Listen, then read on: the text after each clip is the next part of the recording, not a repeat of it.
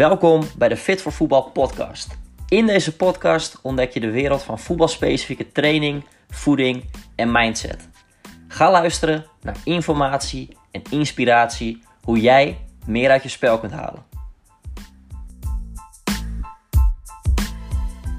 Yes, en vandaag gaan we het hebben over de mentale kant van het voetbal. Leuk dat je weer luistert. Ik ga vandaag in gesprek met sportpsycholoog Manuel van der Wal. Manuel, welkom. Ja, dankjewel. Leuk hier te zijn. Ja, we gaan het vandaag eh, onder andere hebben over, eh, ja, wat ik zeg, de mentale kant van het voetbal. Uh, tips en tricks voor de luisteraar. En natuurlijk het boek Hoe je profvoetballer wordt. Maar voordat we dat gaan doen, zou je jezelf aan de luisteraar kort kunnen voorstellen ja, wie je bent en wat je precies allemaal doet? Uh, ja, mijn naam is Manuel van der Wal. Ik uh, kom uit uh, Veldhoven, ligt in de buurt van Eindhoven. ik ben sportpsycholoog. Ja, ik heb eigenlijk mijn hele leven al echt een passie voor sport gehad. En binnen mijn studie psychologie heb ik altijd gekeken hoe ik sport en psychologie bij elkaar kon brengen. En ja, hoe ik dat kon verenigen. Dus dat heb ik gelukkig binnen mijn stages ook altijd ja, heel mooi kunnen doen. En nu ook binnen het werkveld waarin ik zit, ja, komt dat ook heel mooi samen. Ja, je zegt een passie voor zowel sport als natuurlijk de psychologische kant. Ja, waar is die passie dan ontstaan, denk jij? Ja, ik denk oorspronkelijk op, uh, op het voetbalveld en het honkbalveld. Ja, als jonge jongen ging ik ook altijd met, met mijn vader mee naar, naar de amateurvereniging bij ons. En het hele weekend dan waren ik en mijn broertje ja, daar gewoon lekker aan het voetballen. Of onze eigen wedstrijden. Of hè, als wij zelf klaar waren, daarna met vriendjes. Bleven we de hele dag daar wel, wel hangen. Later ben ik ook, ook gaan honkballen. zeker ook als we dan kijken naar het prestatieve gedeelte van sport. dan is dat zeker daar voor mij ook meer, ja, meer naar, naar voren gekomen. Ja. dus zo is dat eigenlijk ontstaan. En ik heb ja, eigenlijk ook als ik keek waar, ja, waar ik me altijd het prettigste voelde, waar ik ook al heel veel vrienden bij had, dan, uh, ja, dan was dat altijd wel in een sportomgeving. Ja, precies. Dus vanaf jongs af aan, uh, nou wat je zegt, voetbal en uh, honkbalachtergrond, zei je? Ja. ja. Ja, precies. En als je kijkt naar het begrip zelf, sportpsychologie, ja, wat, wat zou jouw definitie daarvan zijn? Ja, dat is een hele goede vraag. Hè, want je hoort in, ja, in de sport hoor je heel vaak dat het stuk mentaal, hè, dat het nog heel vaag is. Mhm. Maar als ik die vraag eens terugleg bij jou, want je hebt de vorige keer natuurlijk hè, met eh, Nico van Iperen ook een, uh, een podcast opgenomen. Zeker, ja. Hoe zou jij nu sportpsychologie of mentaal definiëren? Ja, ja daar heb ik het inderdaad ook met, met Nico over gehad. Ehm, ja, eigenlijk alles wat zich tussen de oren zich afspeelt. Dus zowel denken, het voelen en het gedrag van in dit geval de sporter. Ja, ja, daar sluit ik me ook helemaal bij aan. Ja. de, inderdaad, de wetenschap van denken, voelen en gedrag ja. in de sport.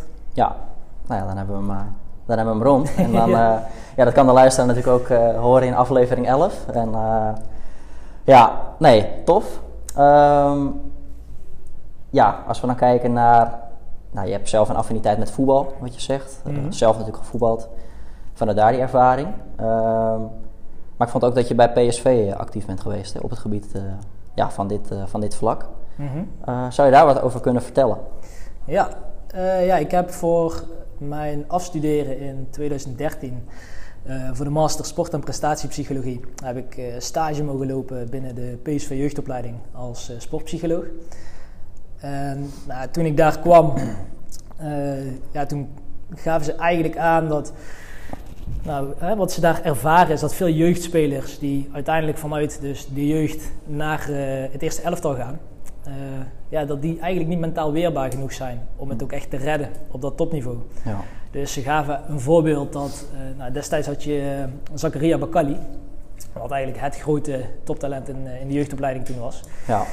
En hè, ze zeiden van nou, die jongen die is uh, ja, in de jeugdopleiding altijd de beste geweest, heeft het geweldig gedaan, technisch hartstikke goed, uh, tactisch, uh, hè, fysiek zijn die jongens ook hartstikke goed getraind. Maar wanneer ze dan die stap maken naar de profkant, hè, dan is er bijvoorbeeld ja, iemand als een Ola Toivonen destijds, hè, die na een verkeerde paas dan een keer ze helemaal de huid verrot scheldt. Hij zegt, hey, klootzak, eh, schiet die bal eens goed. En vervolgens gaat het kopje omlaag en durven ze hun acties niet meer te maken. dus je ziet dat op het moment wanneer ze met echte weerstand te maken krijgen, nou, dat ze dat op mentaal vlak ja, dat ze dat niet, uh, niet aankonden. En dat Ja. er daardoor ook zo weinig eh, jeugdspelers doorbraken binnen de jeugdopleiding. Hm. Dus de vraag die ze toen ook hadden was van nou, hoe kunnen we een soort mentale leerlijn door de gehele jeugdopleiding eh, implementeren. Waarbij we die jongens niet alleen tactisch, technisch en fysiek opleiden, maar dat ze ook mentaal sterk genoeg zijn om die stap uiteindelijk te maken. Ja. ja, dus daarin komt ook heel mooi terug waar we straks uitgebreid op, eh, op terugkomen natuurlijk. Van ja, je hebt talent, eh, maar dat is lang niet genoeg. Nee, zeker niet. Nee, nee, nee. nee. Het, ja, het kopie moet ook goed zijn, hoor je dan wel eens vaker. En eh, dat heb jij daar kunnen, ja, een mooi afstuderen project van kunnen, kunnen maken. Absoluut. En daar ook, dat zijn ze nu, daar, hebben ze daar ook geïmplementeed?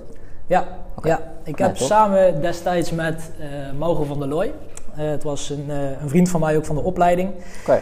Eh, heb ik, samen hebben wij daar stage gelopen. En nou, uiteindelijk, ik ben eh, na mijn stage daar ben ik eh, de geestelijke gezondheidszorg eh, ingegaan.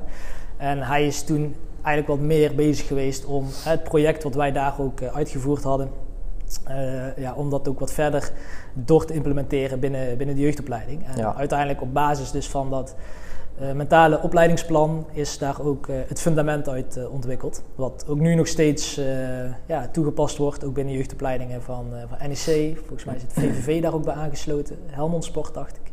Oké. Dus ja, dat is wel mooi dat daar iets blijvends uit, uit voortgekomen Ja, is. tof. Dan heb het ook waarde inderdaad in de praktijk. Ja, Ja. ja, mooi en vet om ja, die ervaring in je rugzak te hebben. En, Zeker. nee, tof.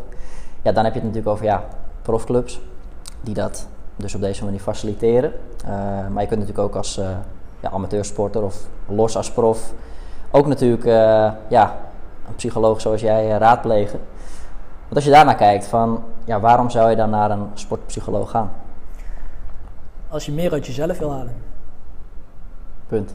Ja. Punt. Ja. Ja, en dat kan op, op verschillende vlakken. Ja. Wat je natuurlijk vaak hoort is hè, dat er gezegd wordt, eh, ja, wanneer iemand bijvoorbeeld niet in vorm is of eh, hè, wanneer iemand eh, faalangst heeft of nou, hè, in- wanneer er echt grote problemen zijn, dan wordt er gezegd, nou misschien moet je eens een keer met een sportpsycholoog gaan praten. ja. Maar ja, daarin mis je eigenlijk ook nog een hele hoop. Want juist om te kijken van hey, hoe kun je van goed naar beter gaan.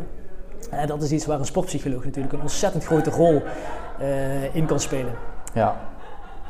Dus van goed naar beter. Ja, ja want bij wat voor ja, facetten zou je dan allemaal kunnen, kunnen denken? Waar, waar kan je nou bij helpen? Om daar iets meer op in, eh, in te zoomen. Nou, hè, zo wordt vaker wel gesproken over, eh, over het presteren onder druk.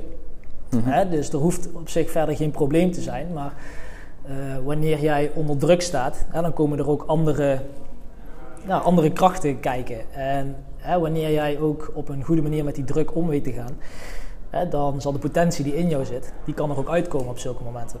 Hè, dus zeker ook wanneer je gaat kijken naar hè, hoe, nou, hoe kan ik met een sportpsycholoog aan de slag gaan. Eh, en hoe kan ik bepaalde mentale technieken inzetten om hè, niet alleen op de training of hè, bij wedstrijden waarin het allemaal lekker loopt, Ja. dat ik dan presteer. Maar hoe kan ik er ook voor zorgen dat juist op die momenten, eh, hè, wanneer het ook echt moet gebeuren, hoe kan ik ook dan het maximale uit mezelf halen? Ja. ja, dus een eh, sportpsycholoog die ja, leert je eigenlijk inderdaad technieken. Ehm, hoe je daar dus mee om kan gaan op mentaal vlak, zodat de fysiek eigenlijk de output eh, daar ook is. Precies. Ja, ja, ja, ja. Ja, tof. Leuk om daar eh, straks eh, nog verder op te zoomen. Mm. Of op in te zoomen, ja, met verschillende technieken. Er zijn inderdaad ook wat vragen binnengekomen, ook via Instagram. Dus dan kunnen we daar wat meer over, Ja. over uitweiden. Ik ben benieuwd. Ja, dan nog even over jou persoonlijk. Jij met je eigen ja, bedrijf eh, zit natuurlijk ook aangesloten als partner bij NL Sportpsycholoog.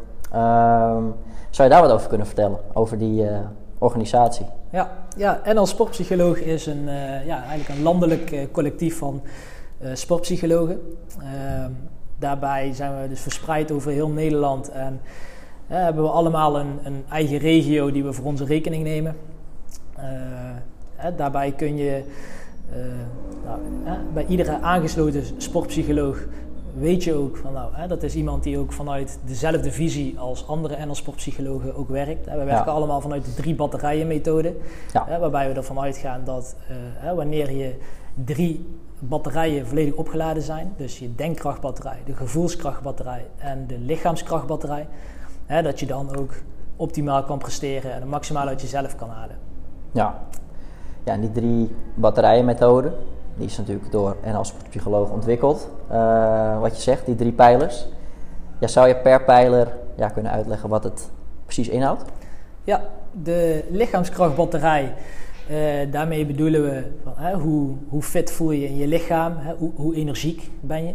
Mm -hmm. uh, met de gevoelskrachtbatterij, hè, daarmee bedoelen we hoe, ja, hoe voel je je, hoe zit je, hoe zit je in je vel, Heb je, voel je vertrouwen, voel je onzeker, voel je angstig. Um, en met de denkkrachtbatterij, dan kijken we naar ook de gedachten die je hebt. Uh, ben, je, ben je gefocust? Uh, ben je gericht met je doelen bezig?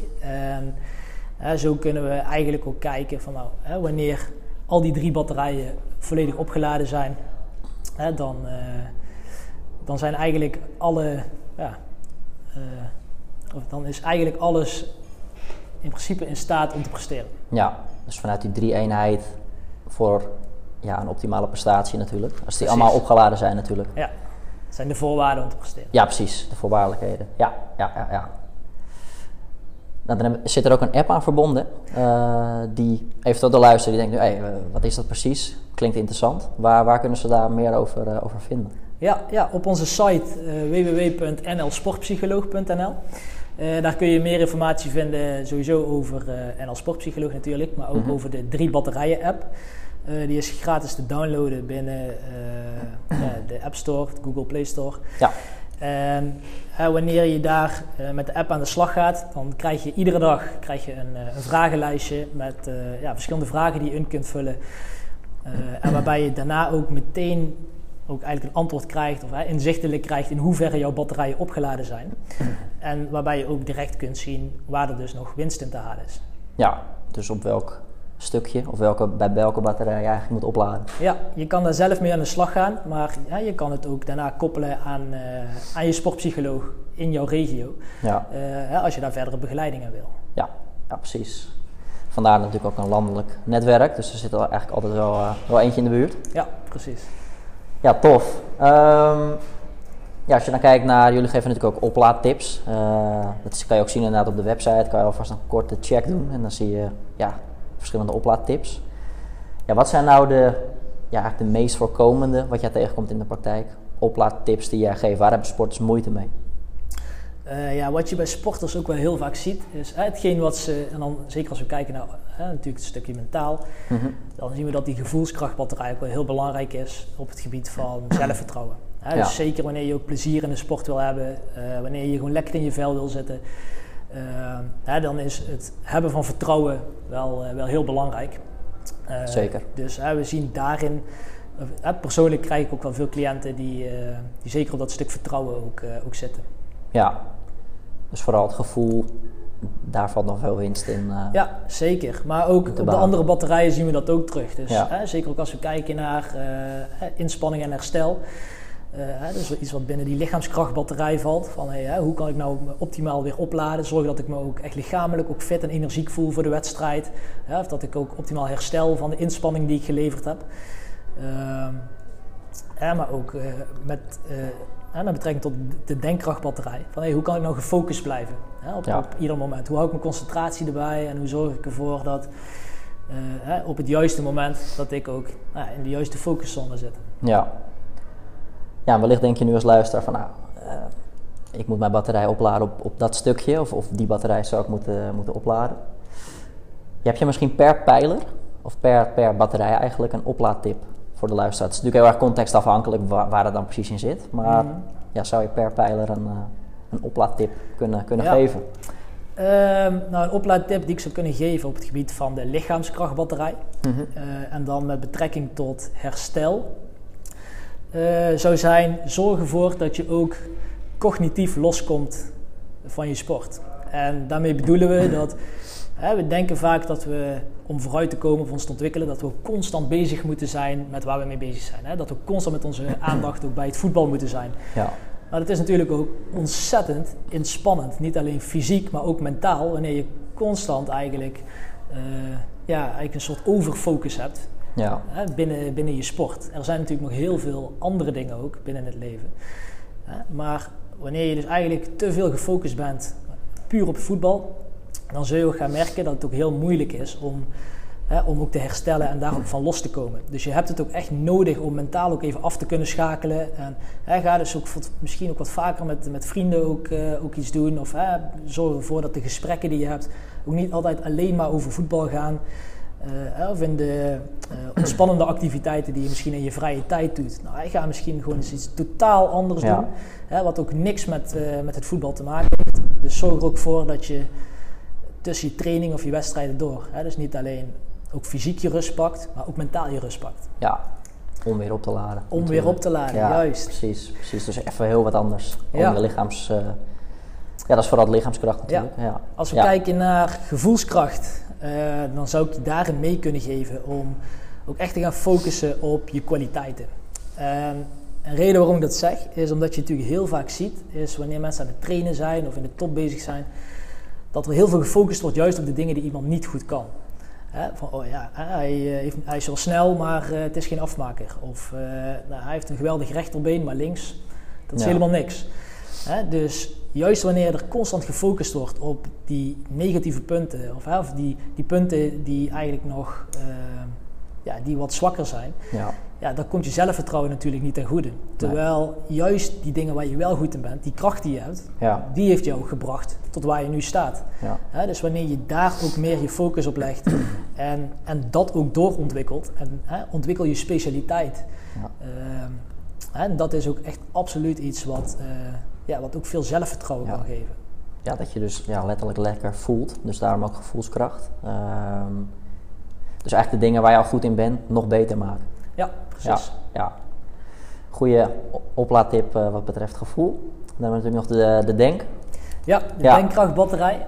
Ehm, nou, iets wat ik daarin mee zou kunnen geven is, hè, stel, eh, stel doelen voor jezelf. Hè, waar wil je naartoe? En ook heel belangrijk, hoe ga je die doelen ook bereiken? Hè? Ja. Wat heb je daarvoor nodig? Wie heb je daarvoor nodig? Ehm, en hè, wanneer je daar ook, ook echt planmatig ook mee in de slag gaat, hè, dan ben je ook echt bewust bezig met je vak. In plaats van dat je maar iets aan het doen bent. En, nou, ik heb toevallig daar laatst een, eh, ja, een mooi interview van Ruud van Nistelrooy ook eh, over gezien. Die zei Mhm. dat eh, toen hij bij Heerenveen kwam, dat hij eigenlijk een beetje een schoolpleinvoetballer was. Ja, hij, Mhm. hij deed eigenlijk maar wat. En, Ja. eh, ah, hij speelde toen ook nog op het middenveld zelfs. Oké, ja. En toen heeft hij van Foppe de Haan heeft hij toen informatie over eh, doelen stellen gekregen. En het geheim van succes Ja. eh, binnen doelen stellen. En hij zei van nou, op het moment dat hij dat las en dat op zichzelf is gaan toepassen. Hij zei de schoolpleinvoetballer verdampte in Mhm. één keer. Dat was het moment dat hij een prof werd. Ja. Ja, daar was inderdaad een docu van. eh, of een soort mini-docu. Ik heb, hem inderdaad, ik heb er wel stukjes van gezien inderdaad. Ik kreeg inderdaad een, volgens mij ook een boekje waar hij in dingen moest ja, concretiseren voor zichzelf. Ja, precies. En een onder leiding van, van Foppe Daan inderdaad. Dus eh, ja, goede, goede ja, tip voor wat betreft je denkkracht. Dus jij zou ook zeggen van ja, schrijf het ook op. Om ook dingen, ja, echt doelen te stellen voor jezelf. Absoluut. Ja, Ja, maak Ja. het concreet, zie het voor je. ja, en dan wordt, het ook, eh, ja, dan wordt het ook veel levendiger, hetgeen waar je ook naartoe aan het werken bent. ja. ja je zegt zie het voor je. Eh, hebt dat dan heel erg te maken met ook die visualisatiekant eigenlijk? Van, van, van je doelen al voor je zien, zeg maar? Ja, ja, visualisatie kun je natuurlijk op, eh, op een hele hoop verschillende manieren inzetten. Ja, Eh, maar zeker als je kijkt, hè, als je het op een, eh, op een motiverende manier in wil zetten, Mhm. dan is het ook echt het, het concreet voor je zien van, van je doelen en het behalen van je doelen, ja. is natuurlijk enorm motiverend. Hè, dus je kan wel puur bij jezelf denken van nou, ik wil, eh, ik wil bijvoorbeeld het eerste van PSV staan. Maar hè, je kan bijvoorbeeld ook je echt helemaal gaan visualiseren van oké, hoe zou het zijn als ik daar ga staan? Hè? Ja. Doe je ogen dicht en hè, stel je voor dat je daar midden op het veld staat, dat je al die mensen uit zijn dak ziet gaan om je heen. Hè, dat je die winnende goal maakt eh, Ja.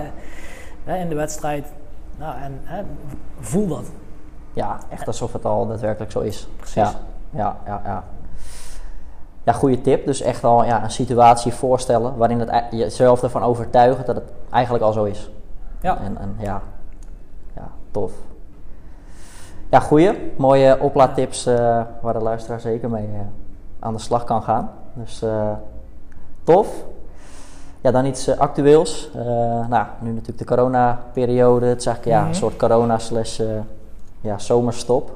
ja, de competitie in Nederland zit er in ieder geval al op. Ehm, ja, wat ik merk, en dat merk je natuurlijk ook in de praktijk, hebben we al in de voorbespreking over gehad. Ja, dat de competitie nu klaar is en dat ze niet echt meer een einddoel hebben van oké, we werken nu bijvoorbeeld naar ja, wedstrijden toe of weer een nieuw seizoen. Het is nog vrij onbekend wanneer dat nou echt start. Ja, en hoe behoud je dan toch die focus? Hoe, ja, hoe blijf je gefocust ondanks dat er geen, uh, geen wedstrijden zijn? Wat, wat merk jij? Uh, nou, hetgeen wat ik je daarin mee zou kunnen geven is, uh, verleg je focus naar, van winnen naar ontwikkelen. Dus wanneer jij je focus hebt op hoe jij jezelf kunt gaan ontwikkelen, dan maakt het niet uit of er een, of er een coronacrisis is of niet. Je, er zijn genoeg dingen die je kan doen om jezelf te blijven ontwikkelen. Dus hè, ook al kun je misschien fysiek uh, hè, niet meer precies die dingen doen zoals je ze voorheen deed. Hè, maar zo zijn er uiteindelijk nog steeds ontzettend veel dingen die je wel kan doen. dus uh, ga bijvoorbeeld uh, werken aan het, het, tactische element van je spel. Dus ja. ga, maak videoanalyses en ga eens met concrete spelsituaties aan de slag. Of maak juist gebruik van deze tijd om te werken aan je mental game. dus er is ontzettend veel wat je kan doen in deze tijd. En ja, we onderscheiden eigenlijk ja, je, je hebt mensen die in deze tijd denken van nou, hè, mijn wedstrijden zijn eruit gehaald, ik kan niks meer doen, ja, wat nu? Ja. En je, of je hebt mensen die zeggen van hé, hey, de wedstrijden zijn eruit gehaald, oké, hoe ga ik deze periode gebruiken om een voorsprong op mijn concurrenten te creëren en om mezelf te ontwikkelen? Ja, dus ja, helemaal wat je zegt van winnen naar ja, een ontwikkelmindset van, van op welke punten zou ik me nog kunnen ontwikkelen? Of ja, wat je eigenlijk ook al zei bij, bij gevoelskracht, van werk misschien ook juist aan de punten waar je al goed in bent, uh, scherp die nog meer aan. Ja. Ja, ja want voor uh, ja, de laatste periode, uh, je zal denk ik wel ontzettend veel vragen hebben gehad van verschillende soorten sporters. Ja, welke vragen heb jij voornamelijk gehad de laatste periode? Voornamelijk denk ik ook over deze waar we het net over hebben gehad. Zijn er nog meer dingen ja, ja. Die, die je veel kreeg? Ja, inderdaad toch wel. Als ik kijk naar ja, deze coronaperiode, dan is het wel inderdaad het voornaamste van oké, hoe kan ik in deze periode toch mezelf blijven ontwikkelen. Ja. Uh, het is ook natuurlijk als sporter ook helemaal niet erg en eigenlijk is ook wel logisch dat, dat je daarin zoekende bent van hey, ja, wat nu? Ja. Hoe kan ik mezelf dan ontwikkelen? Ehm, maar puur het feit dat zo'n sporter zichzelf dan die vraag stelt, dat is eigenlijk al heel positief. want dat geeft al een, eh, een bereidheid aan. Ja. Dus hè, daarin zou ik ook zeker zeggen van nou ga actief op zoek naar iemand die je daarin kan helpen. En hè, is dat misschien gewoon een, een trainer of is dat iemand anders bij de club, je ouder of is dat een sportpsycholoog. dus ga daarmee aan de slag en kijk eens waar, je, ja, waar je jezelf toch in door kan blijven ontwikkelen in deze tijd. En bij de mensen die nou in deze periode bij mij kwamen, die hadden dus ook die vraag van nou, ik, wil, ik wil wel met mezelf aan de slag. Ik merk dat ik tegen bepaalde dingen aanliep tijdens het lopende seizoen. Of hè, dat er nog gewoon meer winst te behalen is. Ehm, om meer uit mezelf te halen. Maar ik weet nog niet precies hoe ik dat nu vorm ga geven. Hè, en dat is dan iets waar ik ze, waar ik ze in begeleid in, uh, in deze periode. Ja. Ja, en die hoe, dat zijn dan dus die technieken eh, die je dan aanreikt. Mhm. Zou je daar een voorbeeld van kunnen geven? De, de hoe, zeg maar meer? Uh, ja, um, nou, eigenlijk een hele belangrijke daarin is hè, wat we eigenlijk net ook al zeiden op het gebied van, eh, van doelen stellen. Om echt ook planmatig eens aan de slag te gaan. Ja. En om echt ook eens concreet naar jezelf te gaan kijken van oké, wat, wat kan ik, uh, wat gaat er ook allemaal goed, wat gaat er minder, uh, op welke vlakken uh, kan ik mezelf allemaal nog gaan ontwikkelen. Dus om daar ook echt eens analytisch naar te gaan kijken. Ja. en uh, ook op basis daarvan misschien ook wel een profiel op te stellen. En eigenlijk heel gericht aan de slag te gaan en concrete doelen te gaan stellen. op basis van welke pijler uh, ja, stappen gemaakt kunnen gaan worden. Ja. dus ligt hem dat dan meer op fysiek vlak? Is dat meer tactisch? Of gaan we dieper de, de psychologie in? Ja. dus dat is iets waar... Ehm, hè, waar je dan naar kan, kan gaan kijken. Maar ga echt dus, hè, ben ten eerste bewust hè, van ja, wat je eigenlijk wil en waar de winst ligt. Hè, En ga daar vervolgens ook mee, eh, mee aan de slag. Ja, precies. Dus ja, wat meer uitzoomen. Eigenlijk ja, naar je eigen persoon kijken. Van hey, welke punten wil ik nou echt concreet aan gaan werken. Dat is natuurlijk een mooie periode voor. Omdat je niet elke keer uh, nu dat wedstrijdmoment hebt of wedstrijdmomenten in de week. Waarin je ja, in alle rust zeg maar, kan uitzoomen. En goed kan kijken op welke pijler jij jezelf wil, uh, wil ontwikkelen. Ja. ja. Ja. ik heb ook van, uh, ja, ook van mensen gehoord dat ze, ze zeggen, juist in deze periode, uh, dat ze merken van nou, ik wilde eigenlijk al wel langer aan mijn persoonlijke ontwikkeling uh, gaan werken. Of eigenlijk daar, daar toch wel meer de diepte op ingaan. Maar ja. we hadden een druk wedstrijdschema, het trainingsschema was ook ontzettend druk. Dus ik kwam daar eigenlijk niet aan toe dus ze gaven eigenlijk aan van, nou ja, juist doordat een hele hoop van die dingen wegvielen op dit moment, kan ik juist nu meer, ja, meer in mezelf gaan investeren om, uh, ja, om hier aandacht te gaan geven. Dus zo gaf de coronaperiode dus juist ook heel veel kansen. Heel veel kansen, uh, ja. Om aan de slag te gaan met jezelf. Ja, ja mooie, mooie kans om ook weer ja, die concurrentie voor te zijn. Die wellicht ja, ligt te slapen of, of niks doet. Ja, bijvoorbeeld. Ja, ja, ja, ja. Ja. Dus jouw tip voor deze periode slash zomerstop is inderdaad, ja, kijk op welke punten je gaat focussen en stel daar echt doelen voor. Ja. En, zodat je toch weer van punt naar punt, van doel naar doel kan werken in plaats van, ja, van wedstrijd naar wedstrijd. Ja. ja, zo zie je bijvoorbeeld ook in, uh, in Amerika. dat, uh, je hebt daar bijvoorbeeld ook uh, het honkbalseizoen, je hebt, daarna, je hebt het basketbalseizoen, voetbal, hockey. En wat je ziet juist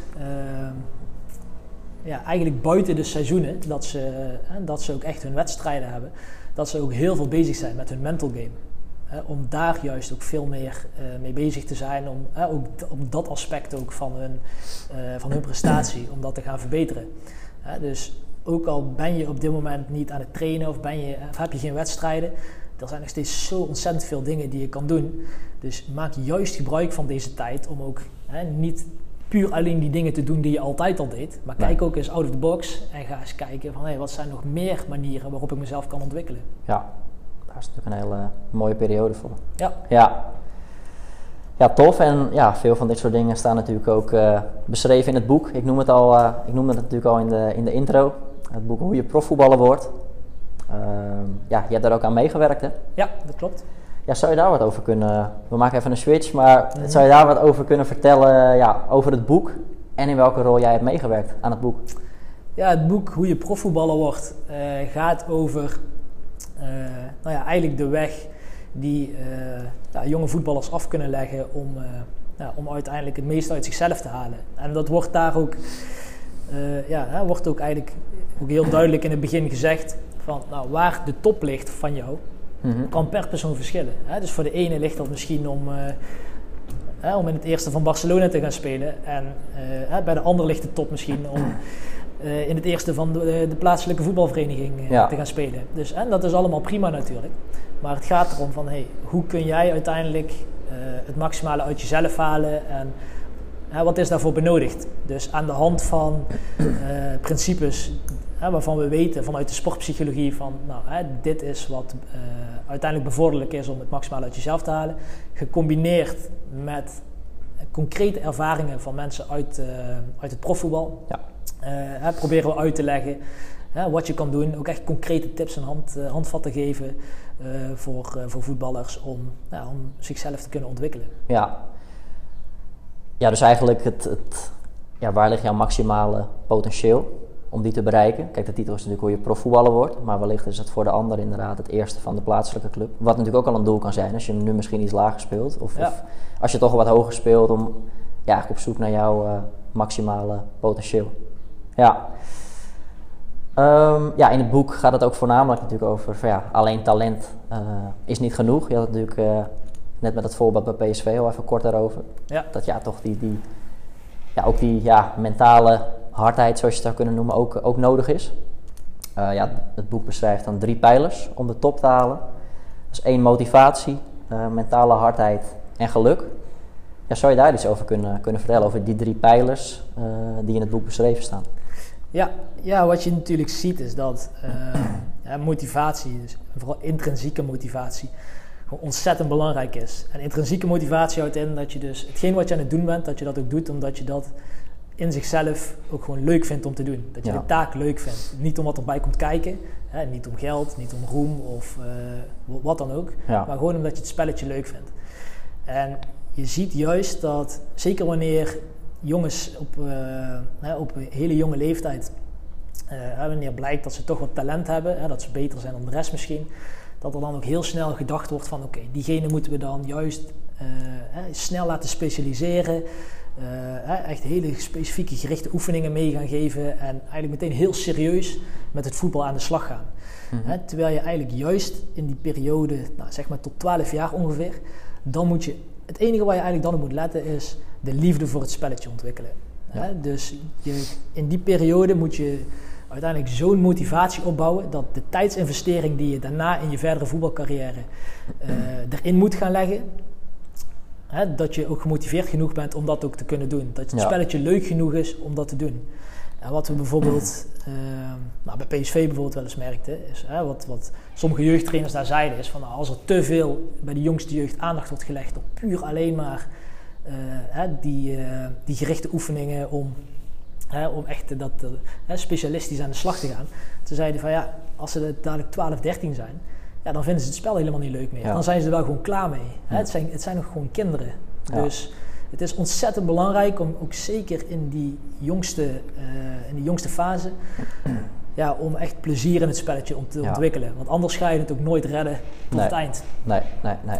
Dat moet die belangrijkste drijfveer zijn. Ja. ja ja, mooi voorbeeld. Jullie hadden ook uh, kort over geschreven, zag ik. Over Frenkie de Jong. Uh, had natuurlijk laatst een interview uh, met weer een Nederlandse zender bij Barcelona. Die zei ook, ja, echt de belangrijkste tip ook aan, aan voetballers. Van ja, vooral het plezier, weet je wel. Hij houdt nog steeds van het spelletjes dat hij dat van kinds af aan hield natuurlijk. Ja. Dus ja, dat ook niet focussen op, op externe dingen, wat je zegt, geld, et cetera. Dat zijn allemaal ja, bijproducten van uh, het halen van het profvoetbal natuurlijk. Ja. Maar het moet echt vanuit die motivatie komen, dat je het spelletje heel leuk vindt natuurlijk. Ja, wanneer je motivatie toch ligt vanuit die dingen die erbij komen, ja, dan, dan zal het uiteindelijk heel moeilijk gaan worden om, uh, om echt die investering erin te gaan leggen ja. die er voor nodig is om de top te, te gaan bereiken. Ja, ja. ja, dat is dan inderdaad pijler 1. Uh, eh, ja, de motivatie, intrinsieke motivatie, heel belangrijk. dan gaat het ook over mentale hardheid. Ja. ja, wat je natuurlijk ook gaat, gaat krijgen is, hè, je zal ook met tegenslagen te maken krijgen. Hè, dat je uh, op de bank gaat komen, dat een trainer het misschien niet in je gaat zitten, uh, ziet zitten, dat je met een mhm. blessure te maken krijgt. En hè, je moet daar wel tegen bestand zijn en ook hè, zelf sterk genoeg zijn om hè, niet je kopje te laten hangen en dan te zeggen van nou dan kap ik er wel mee. Maar om hè, ook het ongelijk te willen bewijzen, om toch ervoor te blijven vechten, om na die blessure toch weer terug te willen komen op, uh, op niveau. Hè, en daar heb je ook hè, een mentale hardheid voor nodig. En zeker wanneer je ook in de top komt, ja. wanneer er ook andere dingen bij komen kijken, wanneer je ook beoordeeld wordt door, niet alleen door de mensen die bij jou langs de lijn staan, maar ook door nou ja, de, hele, de hele voetbalmedia die hier omheen hangt. Mm ja, dat vergt nogal wat. Ja, ja, ja. ja. En daar kan eventueel een, een sportpsycholoog ook bij helpen natuurlijk, om ja, techniek aan te absoluut. reiken. Ja, en dat is, uh, kijk, zeker bij, uh, ja, toch bij jonge talenten hè, zie je dat dat toch wel vaak een hele grote stap is. Hè? Dus niet alleen puur op voetbaltechnisch vlak of fysiek, om die stap te maken van de jeugd naar bijvoorbeeld de eredivisie of de keukenkampioen-divisie. Mhm. Maar ook naar alles wat daaromheen, hè, wat daarbij komt kijken. Hè. Mensen gaan je in één keer anders behandelen, uh, gaan anders op je reageren. Uh, het verwachtingspatroon wordt ook heel anders. Nou, ja. hoe, hoe ga je daarmee om? Hele andere druk dan uh, toen je misschien nog heel onbevangen speelde. Precies. Ja, ja. ja, ja. Maak toch een klein sprongetje alvast naar een, naar een Instagram-vraag, omdat die hier heel mooi, mooi bij aansluit. Mm uh, iemand heeft ingestuurd, ja, hoe kun je omgaan met tegenslagen? Dus meer ook de hoe-kant, je gaf het net al aan. Het is natuurlijk onderdeel van mentale hardheid. Je kan geblesseerd raken, je kan op de bank gezet worden. Ja, hoe kun je daarmee omgaan? Ja, ik zou daarbij ook hè, eerst ook even goed te raden gaan van hey, welk, hè, wat voor soort tegenslag is het dan ook? Mm -hmm. En kijk, van daaruit kun je dan uh, in ieder geval gaan kijken binnen ook het, het plan wat je op hebt gesteld, hè, de doelen die je gesteld hebt voor jezelf. Oké, wat, wat is de rol die deze tegenslag speelt daarin? Hè? En het, het eerste wat je, hè, wat je ook zeker mag doen op het moment dat je een tegenslag hebt, is het ook voelen. Ja. Hè? En, het, en hè, wanneer je uh, nou, bijvoorbeeld in één keer geblesseerd raakt, hè, terwijl je bijvoorbeeld net uh, een basisplek hebt veroverd, ja. ja. dat is natuurlijk gewoon een gigantische tegenslag. Ja. Hè? Dus je mag dat ook best wel voelen. Je mag daar boos om zijn, verdrietig om zijn en teleurgesteld zijn. Ja. En dat is ook heel normaal. Zeker. Heel belangrijk daarna is ook om wel dat om te zetten vervolgens naar actie. Dus hè, oké, voel wat je voelt. Praat er ook zeker over met je omgeving. Ja, Maar ga daarna ook kijken van, oké, wat nu? En hoe ga ik hier een plan voor maken? Hoe ik eh, nou ja, hè, uiteindelijk hier weer van ga herstellen. Hoe ik Mhm. toch beter ga worden. Hè? En ook zelfs tijdens zo'n periode, wat kan ik dan doen om het toch te blijven ontwikkelen? ja, ja, ja. Ja, dus het wel accepteren in die zin, want je kan er niks meer aan, aan veranderen. Je hebt er geen controle op. Je bent dan bijvoorbeeld geblesseerd, of het ligt natuurlijk aan wat de tegenslag is. Mhm. Dus het eigenlijk omarmen, het accepteren. En vervolgens weer concreet van ja, wat kan ik er wel aan doen? Weet je wel? Eh, dat zeg je eigenlijk van ja, wat kan ik er wel aan doen om weer ja, die stappen te maken, eh, Ja. ja, om, om een comeback te maken. Ja, dus een stuk bewustzijn eh, speelt daar natuurlijk ook een rol in. Dat, Mhm. hè, dat je natuurlijk ook echt goed bewust bent van hé, wat, wat gebeurt er nou eigenlijk? En kijk, hè, in het geval van een blessure eh, kan het ook gewoon botte pech zijn. Maar het kan Ja. ook een geval zijn dat je gewoon overtraind bent. Ja, Hè? Dus dat zou ook iets kunnen zijn dat je heel ja, kritisch naar je, naar je trainingsprogramma gaat kijken. En, Ja. en gaat kijken van oké, ja, eh, hè, wat is de rol misschien binnen mijn eigen levensstijl? ja, eh, dat ik nu dus juist deze blessure heb. Of als je kijkt naar een tegenslag zoals bijvoorbeeld ehm, nou, niet opgesteld worden door je trainer. Ja, waar komt dat dan door? Ja. Je kan dan wel natuurlijk eh, boos worden op de trainer en zeggen van nou, hij ziet het verkeerd of hij heeft er geen verstand van. ja, Maar je moet ook natuurlijk eens goed naar jezelf kijken en denken van oké, waarom maakt hij deze keuze? En hè, wat is het dan precies wat hij misschien mist bij mij? Of, ja, En hoe kan ik daar dan gericht eh, mee aan de slag gaan om mezelf toch nou, op die manier te gaan ontwikkelen? Dus hè, ben dan ook proactief en, en vraag dat dan ook ja, aan je trainer. Want te vaak wordt er dan hè, nog eigenlijk gedacht, hè, wordt er wel heel veel gedacht of dingen Ja. ingevuld waarom die trainer dat dan doet. Maar stap er maar eens gewoon op af en vraag het hem gewoon. Dus maak het ook in die zin leerzaam. Dus wat je zegt, stel het ligt aan een blessure, die tegenslag. Nou, wat had ik anders kunnen doen? Soms is het domme pech, soms is het eh, misschien inderdaad overbelast. En als je inderdaad op de bank wordt gezet, ga ook weer vanuit die ja, leermindset. Ga inderdaad naar die trainer toe, dat je het leerzaam maakt voor jezelf. Waardoor je misschien nog harder moet werken op bepaalde punten. En, en dus altijd inderdaad bij jezelf zoeken. Dat is eigenlijk denk ik wat je, wat je bedoelt. Waar heb jij Ja. controle op? En het kan Ja. ook, hè, juist ook door daar met mensen over te praten, kan het ook, eh, het, hetgeen waar het hem in zat, kan misschien ook een blinde vlek bij jou zijn. Ja. Dat jij het zelf niet ziet, maar dat andere mensen dat, dat bijvoorbeeld wel zien en dat herkennen. Nou, en wanneer ze dat ook aangeven bij je, nou, dan kun je daar ook iets mee. Maar wanneer je dat allemaal voor jezelf houdt, ja. Ja, dan, dan word je daar ook niet beter van. Dus durf ook juist eh, advies te vragen en Ja. hulp te accepteren daarin. ja, ja duidelijk. Dus, En hè, ook ja. al heel mooi eigenlijk, eh, als ik kijk naar, nou ook een voorbeeld vanuit het boek. Mhm. Eh, ik heb bijvoorbeeld ook eh, Clint Leemans en eh, Mohamed uh, Rai ook geïnterviewd voor het boek. Mhm. En nou, die kende ik nog ook vanuit eh, de periode uit de jeugdopleiding bij Ja. eh, PSV. Zij zaten toen in de A1 toen ik daar eh, aan de slag was. Ja, En zij zeiden allebei op de vraag van nou, hè, wat heeft jou uiteindelijk geholpen om het profvoetbal te halen? Zij zeiden allebei omdat ik, zoveel, omdat ik tegenslag heb gehad eh, op jonge leeftijd. Zij zijn toen, toen ze 13, 14 waren, toen zijn ze door PSV eh, tijdelijk weggestuurd uit de opleiding. Toen, hebben ze, eh, of toen zijn ze naar Helmond Sport gegaan. ja, dat vonden ze nou, in die tijd dat vonden ze natuurlijk een enorme stap terug Hmm. ten opzichte van, van PSV. zeker. Maar ja. hè, ze zeiden zelf van nou, door niet met mijn koppie eh, naar beneden te gaan, te gaan lopen. Hè, maar echt eigenlijk die intrinsieke motivatie ook aan te spreken om hè, ple- plezier in het spelletje te krijgen, om in zichzelf te willen investeren en om zich door te blijven ontwikkelen. En de gedachte ook hebben van hé, hey, ik zal ze eens laten zien wat ik Ja. allemaal wel niet kan. Nou, en binnen no time eh, zijn ze daarna weer teruggevraagd binnen, binnen de jeugdopleiding van PSV. ja, Hè, dus zij gaven dat allebei als, eh, als ook echt een sleutelmoment voor, eh, ja, niet alleen voor waarom ze de top, eh, waarom ze het profvoetbal gehaald hebben, maar ook wat hun gevormd heeft als, als voetballer en hè, Ja. hoe ze mentaal zich ook hebben kunnen ontwikkelen. Ja, ja, inderdaad. Hoe je, hoe je daarmee omgaat, inderdaad die stap terug, kan je ook weer inderdaad lopen behalen van hey, eh, ja, de schuld ook bij anderen leggen. En eh, dan blijf je denk ik ook inderdaad op dat niveau. Ja, Of misschien nog daaronder zelfs en, en dan dwaal je hem af. Of je zet het inderdaad om in een, ja, weer, toch weer die leermindset van hey, ik zal ze eens even laten zien wat ik kan. En ja, dat heb zich natuurlijk mooi, eh, mooi uitbetaald. ja. Dus het staat ook allemaal in het boek beschreven. Dat verhaal staat er natuurlijk ook, eh, ook Ja, in. precies. Dus eh, Ja, tof. Mooi, mooi voorbeeld. Mooi voorbeeld. Ja, want over jouw rol zeg maar, rondom het boek, zou je daar nog iets over kunnen, kunnen vertellen? Uh, Ja. je, zag, je gaf het net eigenlijk al aan, eh, natuurlijk verschillende mensen geïnterviewd. Hoe, eh, Mhm. ja, hoe zag dat er precies uit? Ja, we hebben ehm, ja, eigenlijk met een, met een heel collectief van sportpsychologen hebben wij eh, gewerkt aan het boek. Eh, hè, daarbij waren er, eh, er waren twee schrijvers. En, nou, wat we eigenlijk dus wilden doen, was eh, de wetenschap koppelen aan de praktijk. Dus daarvoor wilden we ook nou, eigenlijk een hele hoop eh, experts binnen het profvoetbal.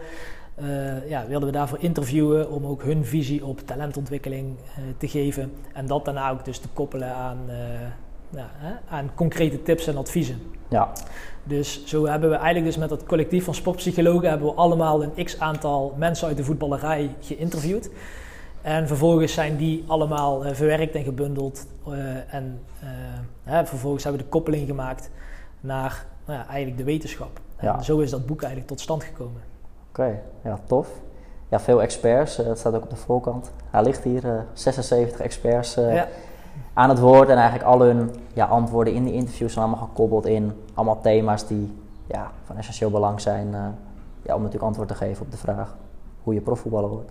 Ja, ja. Ja. ik vond het zelf ook wel mooi om eh, ook wat verschillende mensen, eh, ja, ook met wel verschillende invalshoeken ook te mogen interviewen. Dus Ja. ik heb natuurlijk eh Mohamed Rayi en eh, Clint Leemans als profvoetballers geïnterviewd. Ja, ook Claudio Braga, die is, was op dat moment volgens mij hoofdjeugdopleiding van Fortuna Sittard, maar daarna ook hoofdcoach van Dordrecht geworden. En Mhm. Bastiaan Riemersma heb ik eh, geïnterviewd, de hoofdjeugdopleiding van Willem II, eh, die destijds coördinator eh, eh, van de jongste jeugd binnen PSV was. Ja. Eh, en Patrick Lodewijks, nu Oh ja. de keeperstrainer van het Nederlands elftal. Eh, ja, dus ja, zo was het wel heel mooi om die verschillende ervaringen ook eh, eh, ja, eigenlijk te kunnen koppelen en kunnen bundelen. En vanuit verschillende invalshoeken Ja. ook te kunnen kijken naar hoe je profvoetballer wordt. precies, precies. Ja, tal, eh, tal van voorbeelden. Ik heb hem natuurlijk zelf ook, eh, ook gelezen. Eh, ja, super tof boek. Ja, ga hem zeker bestellen, mocht je hem nog niet hebben. Waar, waar kunnen ze hem vinden? Je kan hem op bol.com kun je hem gewoon bestellen. Mhm. Je kan hem ook op de site van Arco Sports Media kun je hem bestellen. Ja, ja, dus ik zou zeggen, doe hem gewoon even googlen. En dan kun je het niet missen. daarom. Doe je voordeel mee. Ja, Yes. Top, top, top, top. Zijn we alweer, eh, we pikten er net al eentje uit, maar zijn we alweer bij het laatste onderdeel eh, beland van deze aflevering. En dat zijn altijd de Instagram vragen. Mhm. Nou, we pikten er net al eentje uit. Eh, ja, hoe kun je omgaan met tegenslagen? Die hebben we net, net behandeld. Je mag er ook nog een aantal uit, uitpikken. Dit zijn ze. Daaronder dat kopje. Welke zou jij graag willen behandelen? Nou, deze vind ik wel een mooie. Hoe zet je een negatieve mindset om in een positieve mindset midden in een wedstrijd? Ja, Hè? Nou, dat zul je natuurlijk eh, ook wel vaak zien. Dat, nou, misschien is er van tevoren niet echt een veldje aan de lucht, maar merk je dat gaandeweg de wedstrijd loopt, ja, dat het allemaal niet lukt of dat je, eh, dat je fouten maakt, dat je niet, niet goed, lekker in je spel komt en dat Ja. je misschien steeds negatievere gedachten krijgt. Of dat je misschien door pure pech, dat je in de eerste 10 minuten, dat je in één keer met 2-0 achter staat. Ja, en hè, dat, eh, en dat je daarna eigenlijk toch hè, jezelf moet kunnen oppakken om, eh, ja, om toch, toch voor de winst te gaan en terug te komen. Nou, iets wat je hè, enerzijds kunt doen, niet alleen tijdens de wedstrijd, maar sowieso ook al voor de wedstrijd, hè, komen we weer op van maak een plan. Hè. Ja. Dus ga ook echt gericht kijken van wanneer je in een bepaalde situatie komt, ja, wat kun je dan doen? Hè, wat voor gedachten zijn helpend ook op zo'n moment? Hè? Hoe kun je ook je teamgenoten helpen? Wat voor soort coaching is er nodig in het team? Hè, tactisch gezien, wat, wat zijn ook de afspraken die je binnen het team hebt? Dus eh, eh, vrij, heeft je coach eigenlijk voorgesteld om dan bijvoorbeeld een omzetting te doen of moet je gewoon je spel blijven spelen? Maar als je puur kijkt naar jezelf en merk je dat je zelf gewoon niet zo lekker in je spel zit, hè, herken dat dan ook bij jezelf. Hè? Blijf daar dan ook bij. Er- Herken ook die negatieve gedachten die je op dat moment ook misschien hebt. En ga daarna terug naar de basis. Hè? Dus ga niet te krampachtig uh, allemaal gekke dingen doen. Maar ga eens, val eens terug op je kwaliteit, val terug op je taak hè, en begin daar eens uit. En zo kun je ook kijken om, ook tijdens de wedstrijd, hè, wanneer je binnen je taak aan het spelen bent, eh, op basis van jouw kwaliteit, nou, hè, mocht je daarna ook weer merken van hey, het begint weer lekker te lopen, nou, ga dan kijken of je misschien weer hè, wat meer acties kan gaan maken. Maar hè, mocht je merken dat, uh, hè, dat je echt in die negatieve spiraal komt, ja, ga terug naar de basis en ga uit van je kwaliteit. Ja, ja gewoon weer terug naar ik en mijn taak, waar heb ik weer invloed op. Ja. ja, ja. ja daar ook toevallig inderdaad met, uh, met Nico over gehad. Inderdaad, wat je zegt, het hoeft niet alleen maar op het moment zelf. Want dan, ja, dan ben je eigenlijk al te laat. Natuurlijk, je kan er nog wel wat aan doen, inderdaad, wat je zegt, ik en mijn taak. Maar je zou ook al van tevoren, voor die wedstrijd en de wedstrijdvoorbereiding, natuurlijk ook in scenario's kunnen denken. Wat doen we, of wat doe ik, als we 2-0 achterkomen binnen x minuten? Ja. Wat, wat doen we dan? Dus je al voorbereiden op een mogelijk scenario natuurlijk. Ja, ja. ja wel mooi. Uh, Willem Wijs, die uh, geeft in het boek ook aan dat een wedstrijd win je eigenlijk ook niet tijdens de wedstrijd, maar die win je eigenlijk voor de wedstrijd. Hè, door, door je optimaal voor te bereiden.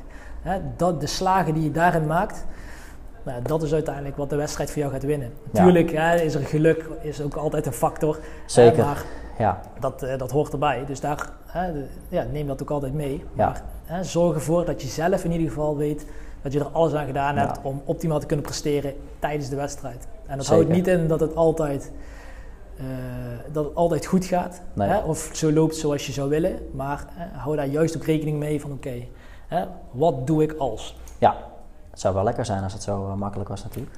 maar inderdaad, ehm, je creëert inderdaad de voorwaarden en dan heb je er alles aan gedaan. Ja, dan kan je zelf ook niks verwijten achteraf als je echt alles aan hebt gedaan. Dat is natuurlijk ook een factor geluk. Maar je vergroot in ieder geval de kans ja, om dichter bij die prestatie te komen. En het is natuurlijk ook veel makkelijker om van tevoren in je voorbereiding uh, ja, daar een plan voor op te stellen. Of echt heel specifiek te gaan kijken van oké, wat kan ik doen? Ja. Als je dat in de wedstrijd nog moet gaan bedenken, ja, dan ben je vaak al te laat. Zeker, ja. En dan achteraf is het dan heel makkelijk praten. Oh ja, ik had eigenlijk dit moeten doen of ik had beter dat kunnen doen. Maar ja, ga daar van tevoren ook al eens over nadenken. En bespreek het misschien eventueel ook met teamgenoten. Van hé, hey, wat kunnen we doen als? Ja, dus echt in die scenario's denken. Ja. wat als? Ja, dat je voorbereid bent. Tof. Oké, mag je er nog eentje uitpikken?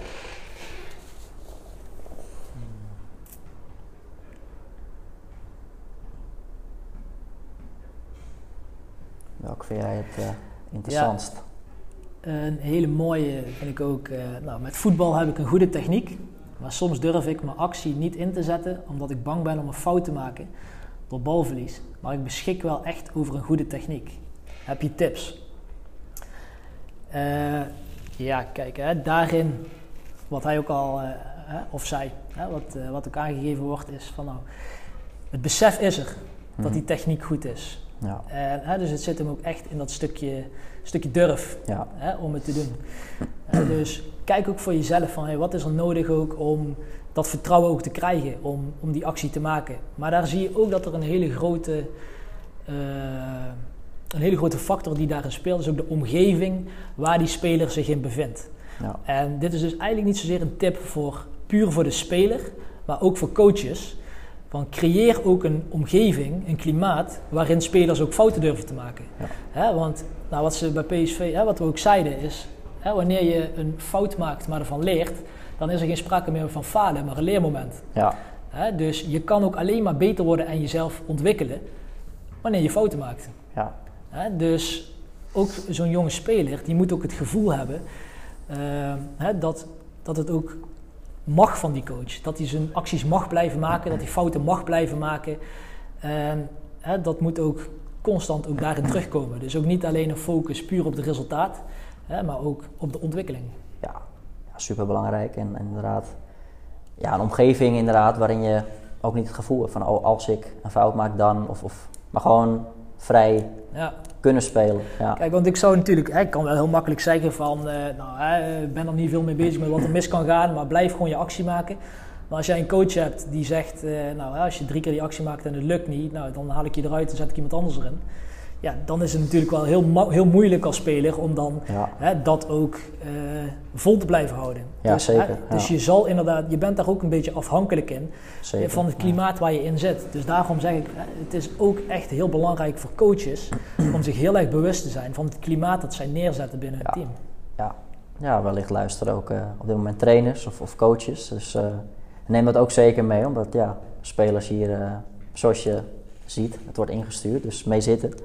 En wellicht niet die fouten durven te maken, terwijl het onderdeel is van het proces natuurlijk. Ja, ja precies.